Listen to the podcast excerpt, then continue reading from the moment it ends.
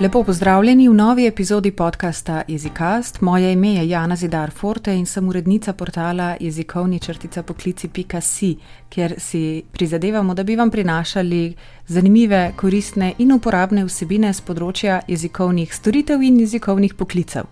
Če imate kakršne koli ideje, predloge, komentarje, smo jih veseli na e-naslovu infoafna jezikovni črtica poklici.si ali pa na naših družbenih kanalih, na Twitterju oziroma na Facebooku, kjer smo nekako najbolj aktivni, vsaj trenutno. Veseli bomo tudi, če boste naše vsebine delili s svojimi kolegi, znanci in prijatelji, da bomo tako skupaj dosegli še večji krok ljudi. Zdaj pa k naši tokratni gosti ki je povezana s čisto prvo oddajo, kjer smo gostili administratorji skupine Prevajalci na pomoč. Manjkala je četrta administratorka in ustanoviteljica skupine Ana Mestek, ki sem jo tik pred novim letom poklicala na Bali. Ja, finta je v tem, da ko folk ve, da živiš na Bali, on misli, da to je pa dopust skosna. Glitko delaš vsak dan stvari, glitko se moraš obadati z birokracijo, glitko moraš paziti, da imaš vedno dovolj znanja, da dosti narediš, uno, tretjo, deseto, moraš kuhati in dan kar gre. Pa le rečeš, ok, zdaj si bom pa jaz dopust, za, oh, zakaj si da zdaj dopust? Ti že skozi na dopustu. Ne? Prej sem mislila iti lepo na ležalnik, na plažo, pa to pa sem gledala, pa po moje bo dežval. Tukaj drugače zelo malo dežuje, ne? tudi med deževno sezono zelo malo dežuje. Zdaj je začel, ne? ko bi bila jaz na ležalniku. Ana Mestek, dobrodošla v jezikastu. Zelo, zelo me veseli, da smo se uspeli povezati ob za nas bolj jutranji uri, za tebe pa že verjetno bolj popoldanska. Kako? Ja, živijo. Uh, ja, to bo ura glih kar štiri popovdne. Čez dve uri bo že tema. Kako dolgo si že na Balju? Povej nam kaj več o tem. Ja, mi dva z možem smo se v bistvu preselila sem januarja 2019. Kupila sva potaplaški center, ki je čisto v malem kotičku Balija, ki v principu ni, ni toliko turistov, tako da je dosti tiho, pa tako sproščeno. Pač moj pogoj je bil, da grejo v to, uh, da lahko še vedno prevajam. To me je vedno veselil. On se pa v bistvu hotel poklicno ukvarjati z, z potaplaštvom in sem rekel, no, sej jaz lahko grem kamorkoli s tabo, a ne, te pa greva na Bali, zakaj pa ne.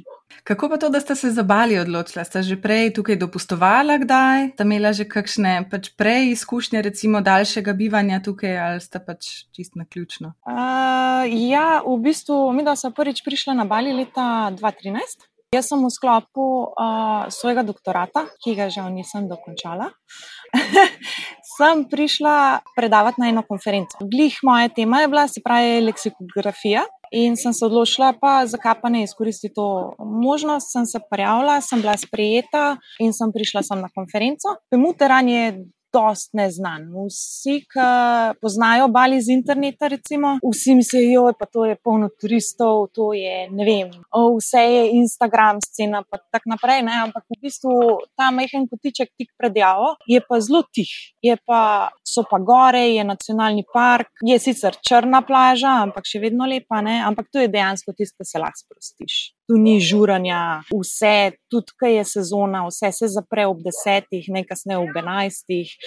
To je res en tak kotiček, ki se skriješ. Aha, ja, kako so prišli do Pemuterana? V bistvu je Juretov daljni sorodnik, je nekje v 90-ih je šel na Bali. In sva vedela, da je tu nekje. In sva rekla, noč pa ga gre obiskati. Zakaj pa ne? In sva mu pisala in je rekel, ja, ja, prita, prita. Je imel potaplaški center, In so prišla in so se potapljala z njimi, nama je bilo super, fajn smo se razumeli. Pa smo še nekaj skupaj sodelovali, uh, ker je bil moj mož v IT-ju, uh, jaz pa prevajalka, tako da smo mu recimo zrihtali spletno stran. Pa smo pa rekli, ko pa naslednjič prideta, se bo ta pa potapljala za to, kar sta naredila. Ne? In tako smo prišla pa nazaj 2015 in sva bila.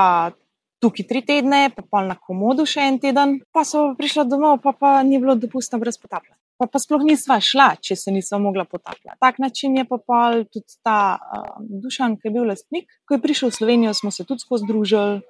Tako naprej, nekako je Mratu naj potaplaški mentor. Pa, smo, pa mi je dal za pregledati nekaj o angliščini, da se center podaja. Ne?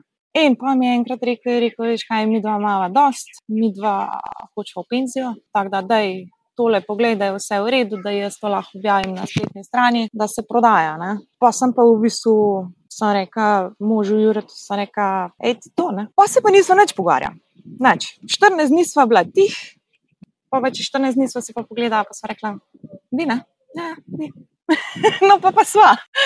Pa v principu je bilo full over, zaradi tega, ker sva kupila od nekoga, ki ga poznava. Bila sva že tu, tako da sva vedela približno, kaj kupujeva, pa ekipa je še vedno ista. Potem še zdaj prevajaš kakšne stvari v zvezi s tem centrom, ker verjetno je to zdaj pač turistično, treba privabiti uh, ljudi. Ja, to, to je pa uno, vedno nedokončano delo. Ne? Zaradi tega, ker če imaš ob sebi IP-jevca, spletna stran nikoli ni dosti dobra. Se pravi, jo je treba vedno obnavljati, updati, izboljševati in vse. Ampak ja, nekako v tem pogledu so kar dobre. Sicer pa tudi bolj prevajaš uh, taka besedila, torej turistična ali marketinška ali kakšne druga področja, kje si? A, jaz se v bistvu PR-ju zelo izogibam, zaradi tega, ker um, je to ukrašen jezik, da jaz nimam toliko domišljije, da, da bi v drugem jeziku lahko dala nekaj ven. Pa da se ne bi slišali pretenciozno. Uh, tako da jaz principu taka besedila zavračam, tega sploh ne sprejmem. Uh, jaz sem bolj tehnična. Uh, Meni so najbolj v veselje navodila za uporabo, recimo, uh, veliko sem prevaja uh, prava takih stvari, pa sem pa za dušo, sem pa vzela recimo zraven še kako leposlovje. Ampak, um, ko sem enkrat prišla, sem zato nisem več imela časa. Ne sem se bolj osredotočila na te tehnične prevode. Bolj. Kako si pa samo to selitev, recimo z naročniki, potem skomunicirala? In je bilo to pomembno, da pač, mislim, vse načeloma prevajalci res lahko delamo od kjerkoli, tako da praktično ni sprememba, ampak mogoče pa vseeno, ne vem, verjetno si povedala naročnikom, da odhajaš. In... Ja, ja, ja, sem. Um, jaz imam v bistvu neke stalne dolgoletne naročnike že skozi. Se pravi, tudi ljudje, ki mi dajo delo, imamo že malo boljši tudi osebni odnos. Se pravi, se ne pogovarjamo samo okoli dela, ampak smo recimo tudi prijatelji na Facebooku, smo šli že tudi na kako kavo, la la la. Ne? In v principu, ko sem jaz to rekla, ne, bi vas motil, če je pač meni news v Ljubljani v stanovanju, ampak sem, ne vem, na balju. Um, so rekli, sam da je delo upravljeno, meni je vse. Ne? Ko sem prišel sem, smo ugotovili, v bistvu, da to, da sem jaz na balju, je super. Ker sem 6 do 7 ur pred njimi, kar pomeni, da recimo reče, jo, to pa res rabimo do ponedeljka zjutraj. Ni velik, ampak to pomeni, če si v Ljubljani, boš delal čez vikend. Ja, tu se pa lahko v petek zvečer, recimo pa v ponedeljek zjutraj v sedem, in dokler da se oni zbudijo, sem jaz že konc. Ko je ura prva sedem, je prmen eno ali pa dve popovdne. Se pravi, jaz lahko, kot nek tak čarobni trik, ne? To je pa tudi ima downsides, v bistvu. Pač, ne vem, delovni čas pri meni se zaključi malo prej, kot v Sloveniji. Ne? Se pravi, se je tudi zgodilo, da sem bila na kakšni žurki in sem dobivala ob desetih zvečer, joj, joj, joj, a lahko še to, a lahko še to. Tako, um, uh, danes ne morem, bom jutrna. Ne, ne morem danes. Uh, ampak v principu je bila to samo prednost. Bili ste torej razumevajoči tudi naročniki in kot si rekla, važno, da je delo upravljeno. Ne? Ja, ja, zdaj si pa pošiljamo malo slike. Ne? Oni meni sneg, jaz njim morem. Sam, recimo, prej, preden si šla, uh, preden sta se preselila na Bali, si imela veliko dela, sta se selila tudi zaradi tega, ker mogoče, tako kot smo slišali, se v prevajalskem svetu vem, ni ravno lahko preživljati z naročnike, iskati vse čas nove kako, kako si dojemala v Sloveniji, recimo, ta prevajalski svet? Tako, jaz sem bila vedno zelo proaktivna. Jaz sem si pač meni ni zdaj, da zaslužim še pa još. Uh, jaz sem si vedno nekako zračunala, koliko jaz rabim. Pač kot SP, kot nek tak pogodbeni delavec, ne, ne moš ti zdaj reči, se pa na leto hočem, pa tok, pa tok, ampak je bolj z meseca v mesec. Ampak nekako sem se vedno zračunala, koliko rabim in če sem videla, da pač z obstoječimi naročniki ne bom prišla do tega, sem pač malo pomigala. Uh, sem probala, sem pošiljala maile, če, če rabijo še koga, če bi lahko mogoče sodelovali, itd. itd. Tako da na tak način, v principu, sem imela vedno nekako dosti dela. Ni bilo zdaj to neko bajno, bajno plačilo, ampak meni je recimo moj čas bistveno bolj pomemben, kot pa, kot pa to, da ne vem, si bom pa čez pet let bazen zgradila. Tako da ni, ni bilo na tej strani, v bistvu je bilo bolj, ker te mika it nekam. Pa v bistvu imaš poklic, pa ima partner tudi tak poklic, da v principu lahko delate isto stvar nekje drugje. Ne. Najprej smo hoteli iti na kanarce, malo probat, za ene, dva, tri mesece. No, pa je pa to preletel, pa sva rekla, da če pa tega ne bova zagrabila, pa pa verjetno nikoli nikamor ne bova šla. Ker recimo je, bilo, je zelo primerljiv uh, znesek, ki smo ga mi do tu plačala. Je zelo primerljivo s tem, da se odločila, da bo pa kupila neko svojo nepremičnino. Ne. Se pravi, po letih in letih življenja v najemniških stanovanjih, kjer mečeš na rulu in nič ni tvoje, je bil počasi čas, da si rečeš, zdaj bi bil pa že čas nekaj kupiti. In ko prideš do tega, zdaj pa pride vprašanje, ali jaz v bistvu sploh hočem tukaj ostati. In tu se je pa pri nama nekakšna prelomnica zgodila. Jaz se hecam, da sva na mesto stanovanja uh, v Ljubljani ali pa pač nekje v Sloveniji. So pač kupila potaplaški center na Bali. In zdaj ste zadovoljna? Vsekakor bi bila bolj zadovoljna, če ne bi bilo korone. pa je pri vas zdaj s korono? Tukaj je prazen, sicer zdaj, ko so novoletne počitnice, pa to tako. Indonezija je odprta za notranji turizem. Se pravi, to je približno tako, kot če bi se Evropa odprla za notranji turizem. No, ker Indonezija je ogromna. Se pravi, da v principu imaš lokalne goste lahko, ampak lokalni gosti, tisti, ki imajo denar, grejo na pet zvezdic in nič manj tisti, ki pa nimajo denarja, pa ne grejo nikamor. Tako da v principu zdaj je bolj ali manj tišina. Uh, Mela sva, evo, uh, od marca, mislim, da smo imeli osem gostov. Pa od tega sta bila dva, ki sta se še enkrat vrnila. Mi imamo bolj, recimo, te ekspate, ki živijo na Balju, pa, pa jim postane dolg čas, pa grejo malo bolj na, na tak način.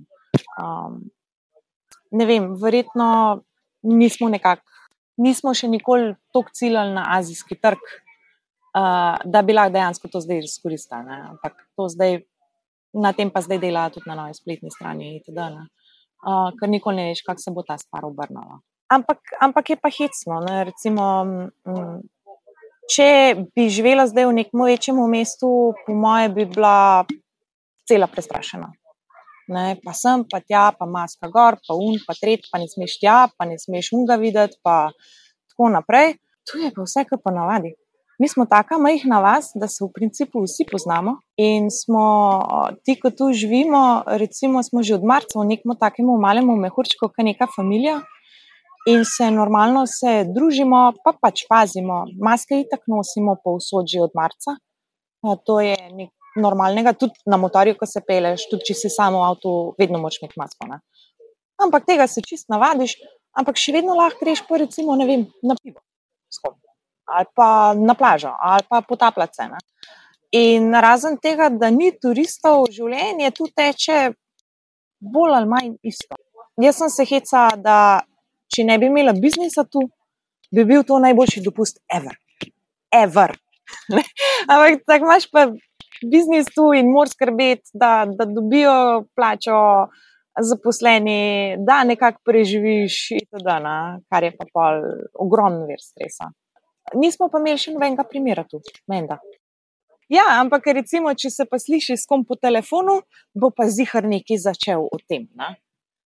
Prven, ne, dobro, uh, mama, sestre, ja, ampak to je drugačne. Ampak ni pa, da kamorkoli jaz grem v trgovino ali pa tja, da se bojo pa zdaj vsi o tem pogovarjali. Ne. Dejansko sem lahko izpostavljena temu, samo če hočem. Lahko pa tudi sam rečem, ne, zdaj en mesec se odrežem in to je to. Bomo videli pa, kaj bo čez en mesec. Ne.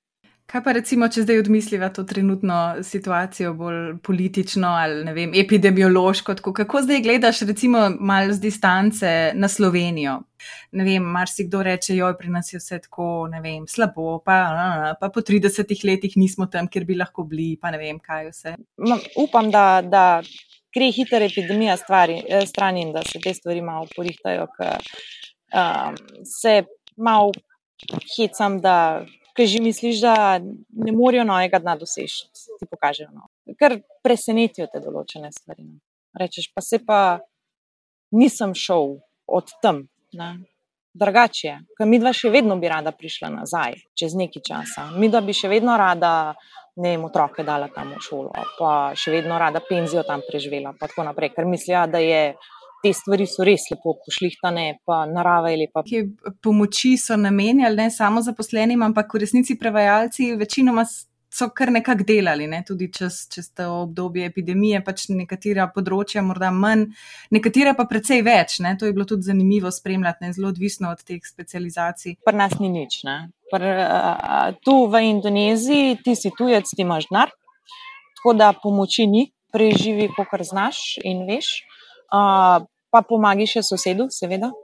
Kar se pa tiče v bistvu uh, mojega SP-ja v Sloveniji, je bila pa taka nesrečna situacija. Ne? Zaradi tega, ker recimo leta 2018 sem jaz delala zelo dobro, pa so se pa januarja preselila sem, pa sem jaz pustila prevajanje malo ob strani.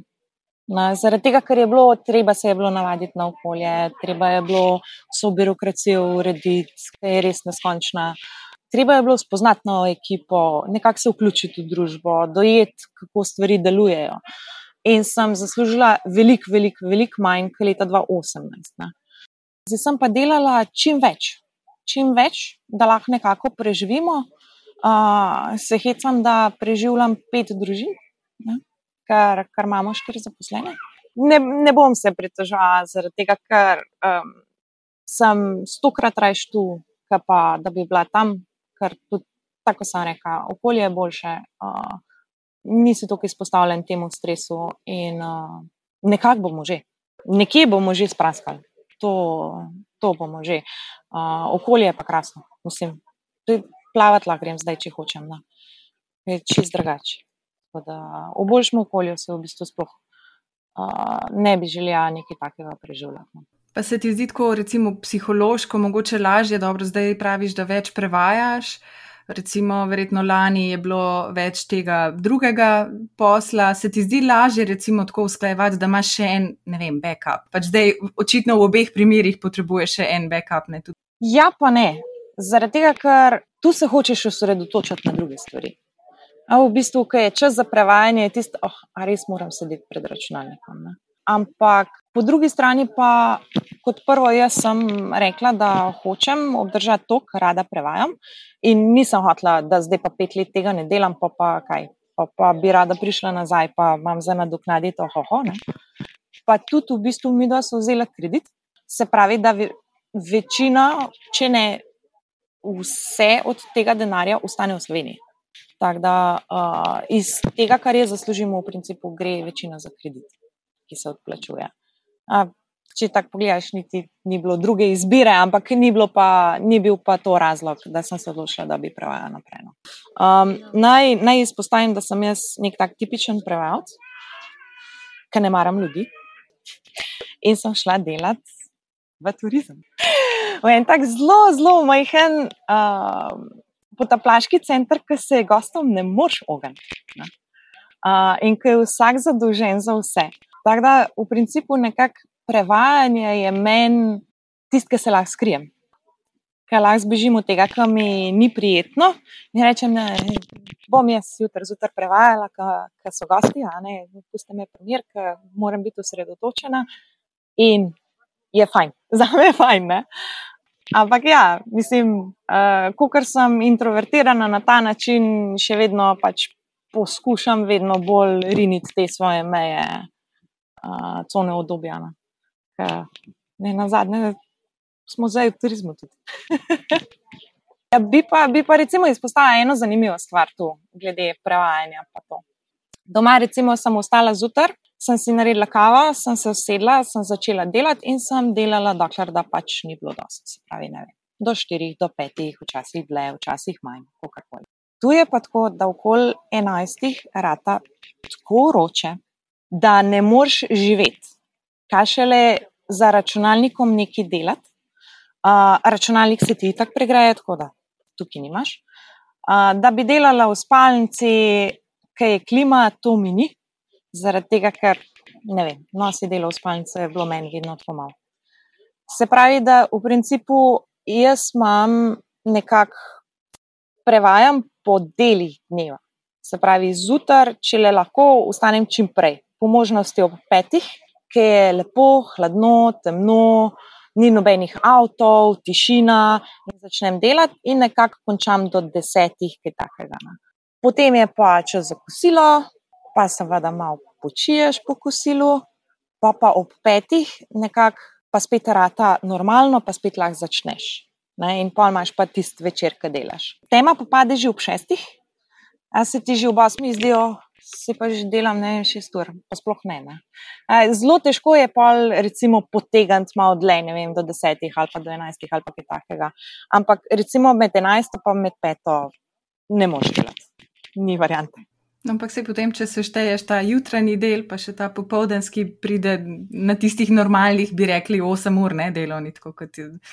Se mi je zdelo zelo zanimivo, ko si napisala v mailu, ko smo se dogovarjali, da, da ti je lažje zdaj tudi zavrniti kakšno delo, če ni, recimo, ali po tvojem okusu, ali cenovno, da se ti res plača delati. Ja. Uh, ne, jaz, že, jaz nikoli nisem imela problema s tem, že, če se mi je zdelo, da za nekaj nisem dosto sposobljena, da sem dala nekomu drugemu. Zaradi tega, ker brez vezi, da se jaz zabavam, pa mogoče pa še kaj narobe, pa to, če poznam nekoga, ki dejansko se spozna na to temo.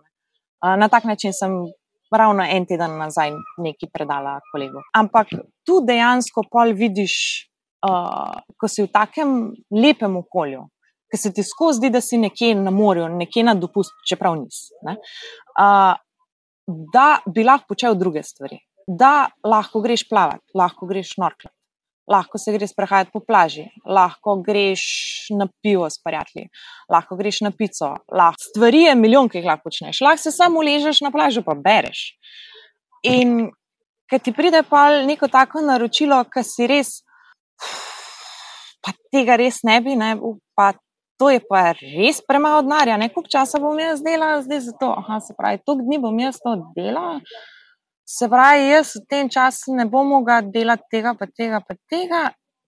Ne, ni, ni vredno, ker jaz ne delam za denar, jaz delam za denar, da si kupim čas. In če jaz ocenim, da si s tem denarjem ne bom mogla kupiti toliko časa, ki bi si ga rada, pa imam raje samo čas ne znam drugače razložiti. Ne.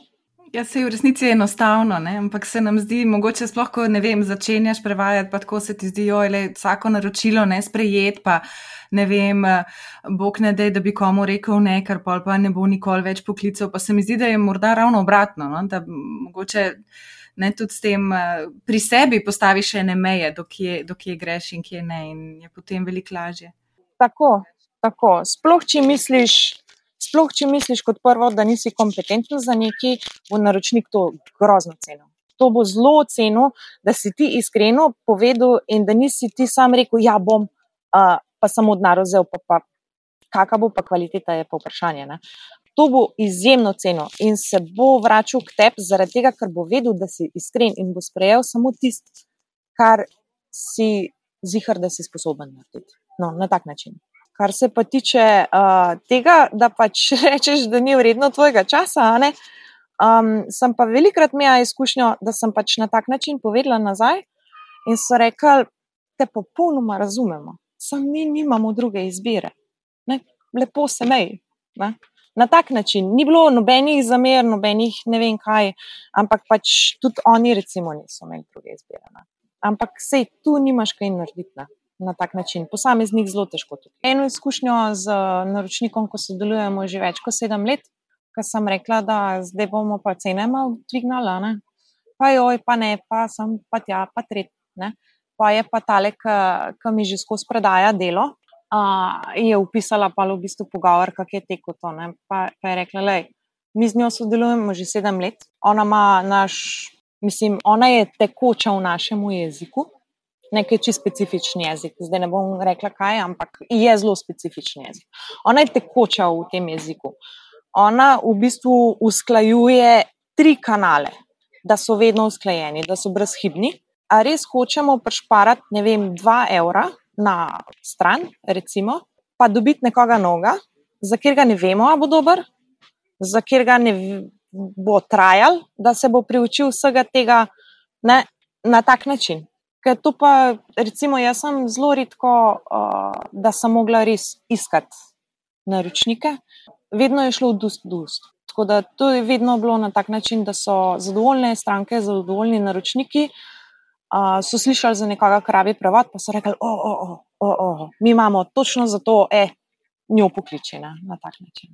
Sem probala sodelovati tudi z agencijami, pa ni šlo glih najboljši. Um, z agencijo, za katero sem imela največ upanja, pa vem, da je dobra, mi niso pošiljali praktično nič, tako da smo to pa prekinili, ker ni imelo smisla.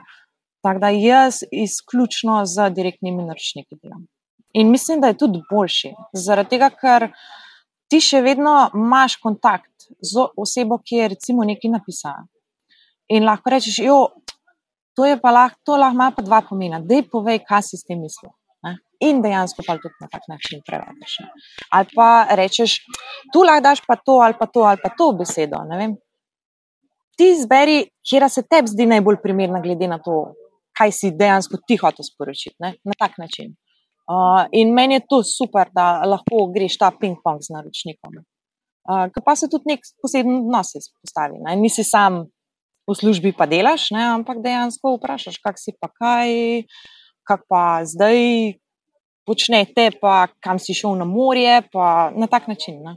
Ja, ne glede na to, da zagotavljamo storitve, ne, pa se nam zdi, da pač ok, storitev kot taka, ampak mm, storitev vključuje tudi ta odnos. Ne. Se mi zdi, da tukaj odnos lahko naredi veliko spremembo. No, in v našem dojemanju, in tudi v njihovem, ne, se pač se bolj potrudi za nekoga, ki, je, ki ima človeški obraz. Ne.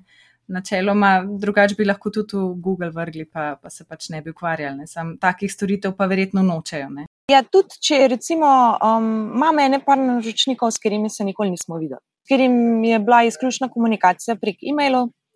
Pa je to zelo hitro prešlo na tako prijetno raven, ki si lahko kaj vprašal, kaj, kaj je kako sliko poslal, ko si si vošil za rojstna. Tako je, je vseeno. Ne? Zdaj pač nismo se uspeli ujeti za kavo, ampak vseeno, tudi če delaš sam, je fajn, da ni vse čist sterilno no? na tak način, ker se vseeno počutiš malo bolj cenjeno. Prej si omenjala tudi, da imaš eh, precej široko mrežo razpredeno kolegov, ki jim po potrebi predaš ali pa kdo tebi preda kakšno delo. Kako se ti zdi to pomembno za prevajalce? Prej si rekla, da si sicer introvertirana, ampak smo slišali vmes, da greš tudi kdaj zvečer ven, pa na pivo, tako da tako hudo, da ne bi bila čist nič družabna, verjetno ni. Ne, ne, ne, to ne, to ne. Kaj, kaj enkrat ljudi spoznam, je to pol malo drugače, seveda, ampak z novimi ljudmi sem malo zadržana. Kaj ta prvič, ko smo se prevajalci dobalane? Najprej smo vsako svojemu kotu ždel, pa se nismo hoteli niti pogledati, pa smo pa spili ta drugo pivo, pa smo peli. Vse tipično. Ja, mislim, meni že ta uh, prevajalci na pomoč, recimo ta skupina. Ne? Sicer zdaj zadnje dve leti bolj švah sledim, pa moram tudi reči, da ne upravljam administratorskega dela, pa to, uh, ker pač Ne? Uh, vsekakor pomagam, se posvetujem z Andrejo, Gregatom in Jošem, uh, če je kaj takega. Uh, pa se včasih tudi malo nasmejimo, pa možgamo, a bomo vrgli tega ven ali ne bomo, a bomo dali še eno priložnost. Ampak um, v principu v vseh teh letih, um, tako je rekel recimo Još v, v vašem intervjuju, um, vidiš, kdo je dober, pa kdo se malo lovi tako kot jaz, jaz se tudi na določenih področjih lovim, ampak na drugih sem pa dobra. In pol vidiš, aha, on pa res ve veliko o borilnih veščinah. Ali pa, oh, on pa res veliko ve o glasbi. Že, že to, da recimo, je on multi-instrumentalist, pa je prevajal za isto kombinacijo kot jaz, je recimo on bolj sposoben uh, prevesti uh, učbenik za klarinet, recimo, kot pa jaz. Uh na tak način pa nekako stvariš ta nabor uh, in lektorjev, in preavcev, tudi mogoče za kakšno drugo jezikovno kombinacijo za isto temo. In ja, na tak način. To, to je super, da se na tak način pa tudi malo bolj povežeš. Ja, prevajalci na pomoč je bila pol naslednje moje vprašanje, ampak evo si že sama povedala. 2012 si to skupino ustanovila, tako je Grega povedal zadnjič. To je nastalo res iz ene take potrebe po, po kolegijalnosti, tem strokovnem nekem druženju, bi rekli, in hkrati mogoče tudi družabnem druženju, potem, ko je prerasla tudi te tradicionalne. Mislim, da so bili, ni bilo vsaj enkrat letno tudi če druženje v živo. Ja, nekaj takega, ponavadi po zimi. Ja, smo poskušali poleti, pa so bili vsi na morju, pa ni šlo. ja, v principu jaz sem imela ena par kolegov, ki so bili tudi prevajalci. In um, mi smo bili skozi na telefonu. Nekje se mi je zataknil, pa sem klical enega, pa se mi je druge zataknil, pa sem klical drugega. In to kot prevajalec sveže je to grozno. Na? Nekdo te kliče, glih, ko hočeš nekaj napisati, in pa ti gre. Um, in pa sem rekel, ja, pa, ker recimo za, za svojo diplomo sem imela prevajanje besednih iger. In sem jaz rekel, jaz tega ne bom naumila sama nikoli. Uh, in sem pač prosila 15 prijateljev, če jim lahko častim pivo da bom jaz prenesla 120 angliških besednih iger in bomo ob pivu pač videli, kje je mogoče lahko rešimo. Ne? In smo jih, veliko smo jih rešili, rešili smo jih več kot pol. Uh, in sem rekla, a ne bi bilo boljš, če bi imeli en tak brainstorming kanal. Um, forumi mi nekako niso šli skozi, zaradi tega, ker imaš ta ogromna okna, pa tam moraš iskati, pa posebej je vse, ne vem, preveč korakov se mi je zdel. Se sem bila članica ene parih, uh, ampak pa, pa so ti spemali noter v, v inbox, pa tako naprej. Pa sem pa najprej hotela narediti IRC kanal. Ker sem bila v osnovni srednji šoli, je bilo vse na IRC-u, pa sem rekla, da je to malo za, za voljo starih časov, da je se dobiti na IRC-u, pa bomo tam mozgali. Prišla je glih ena. Tja. Vsi ostali so bili, opet, treba dol potegniti, pa ne vem še kaj vse. Ne?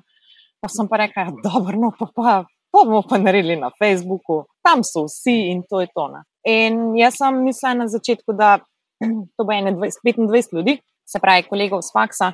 Uh, pa bomo imeli eno tako lepo, mehko zaprto grupo, ki bo nekdo kako vprašanje zastavil, pa mu drugi malo pomagajo, pa pomagajo. Pa je pa v eni noči smo jih imeli 130.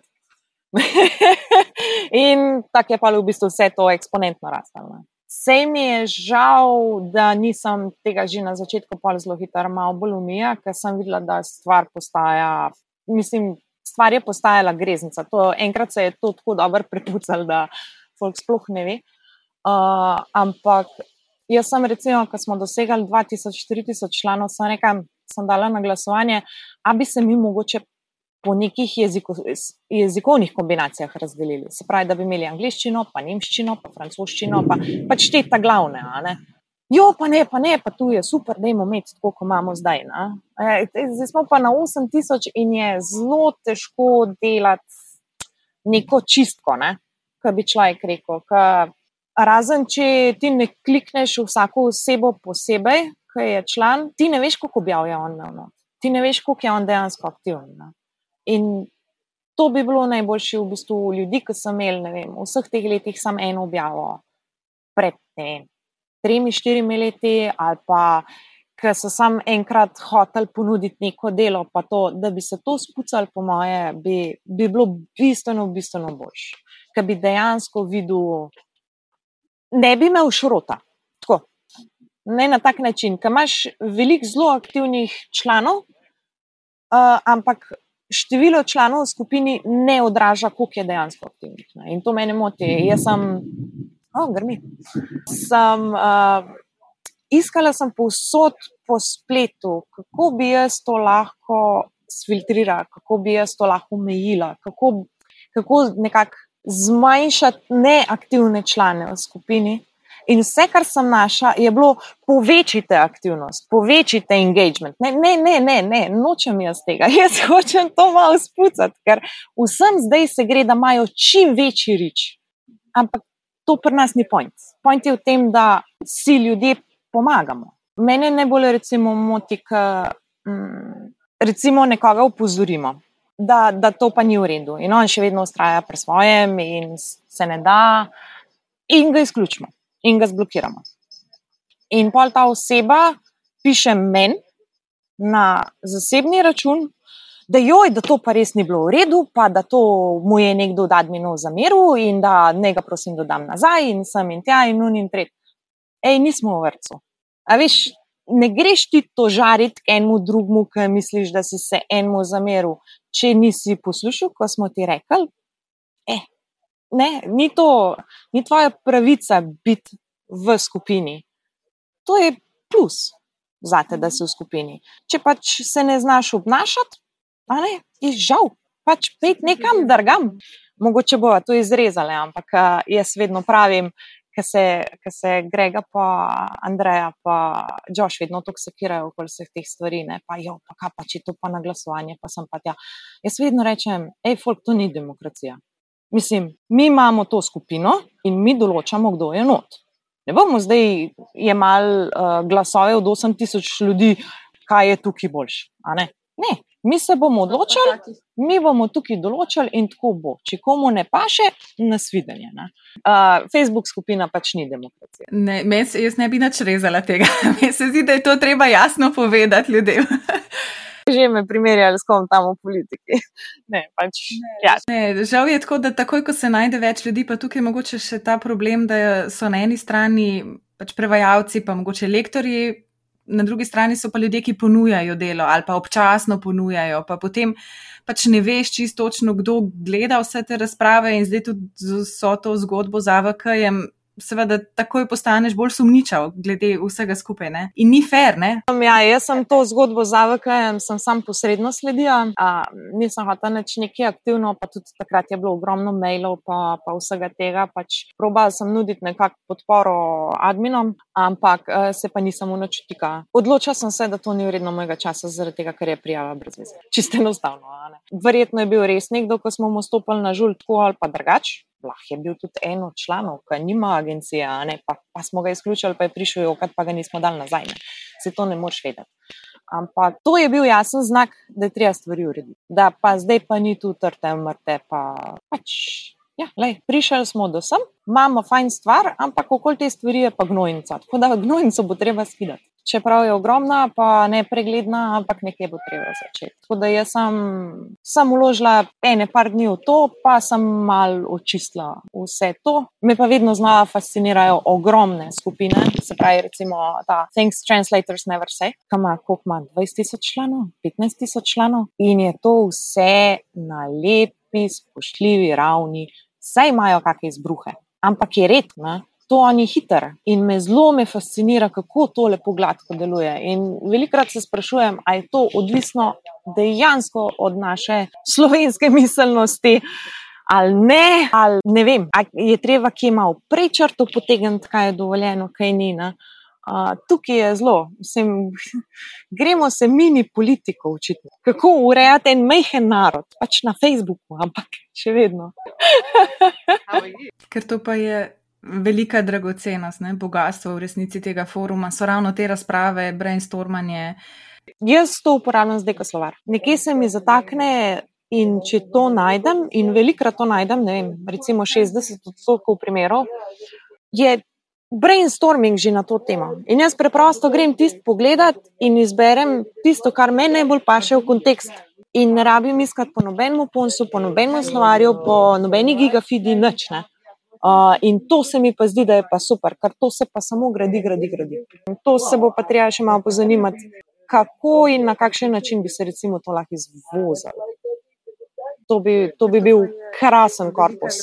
Se mi zdi, da vseeno ta skupnost, mislim, to, kar je sicer težav z vsem tem moderiranjem, pa to je en tak velik biser. No? Če, če smem, jaz čisto osebno, tako da hvala, da si imela takrat to idejo. Se, če ne bi bila jaz, bi, bila verjet, bi bil verjetno nekdo drug. je bilo samo vprašanje časa, po moje. Kaj ne bi izkoristili zdaj teh spletnih uh, možnosti, ki jih ponuja pač 21. stoletje, tudi za ta namen? Ne? To je, po moje, tudi ena izmed najboljših stvari. No? Da se nekako vseeno povezuješ. Uh, ne nujno poslovno. Lahko odkriješ tam nekoga, ki enako razmišlja kot ti, uh, ki ima podobna zanimanja kot ti, najdeš noga parjatla, lahko najdeš noga kolega, ki mu boš lahko predajal delo. Um, lahko razpredaš o določeni stvari, um, lahko rešuješ kakšne birokratske probleme. Ne, sej, to se v bistvu tiče vseh. Da zakrožijo ne, tudi recimo, koristne informacije. No, sej, zdaj smo že kar dolgi, tako da hvala ti. Meni se ti, da je bil zelo prijeten pogovor in res, res uh, ti želim vse dobro in upam, da se izboljša tudi korona situacija pri, pri vas in nasploh vse povsod. Enako, mislim, da vi to rabite malo boljše kot mi. Pridite kaj obiskati. Jaz rabim sir. tu tu marsikaj ni, ki nam je doma uh, zelo normalno. Kak res dober sir, pa kak dober kraft. Zamenjam za kak teden. Za en sir, pa za en pir, zamenjam sonce pa bali. Jaz sem si prvo šla zdaj dopust med temi prazniki, noč ne delam in se mi zdi tako wow. Yes, ali je to fajn? V treh letih sem jaz imela dopusta tri dni, marca letos. Da sem res rekla, odklop, ne odgovarjam na maile. Na? In to je zelo taka past, recimo, ki živiš na takem kraju, ki rečeš, se lahko jutr. Bom, bom danes rejš papirje urejal, pa ne vem, davke zrihtu, pa sam pa tja.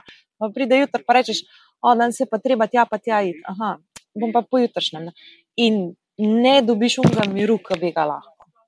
Vedno je ful pomembno, da si odločen in da si vzameš čas za sebe. Zdaj grem pa jaz od 23. do 3. grem pa jaz na lepše. Zdaj, kako misliš na lepše, ti si na balju? Sem rekel, ja, ampak grem na plažo s knjigo in ne jebem žive sile. Super je. Odklopim se od interneta, vzamem Kindle, grem nekam, kam me noben ne najde in pridem nazaj zvečer. Sam da ne bo kdo mislil, da zaradi tega, ker sem ustanovila pravce na pomoč, da sem zdaj na balju. Ne? Da sem s tem ful zaslužila. Kako ne? To je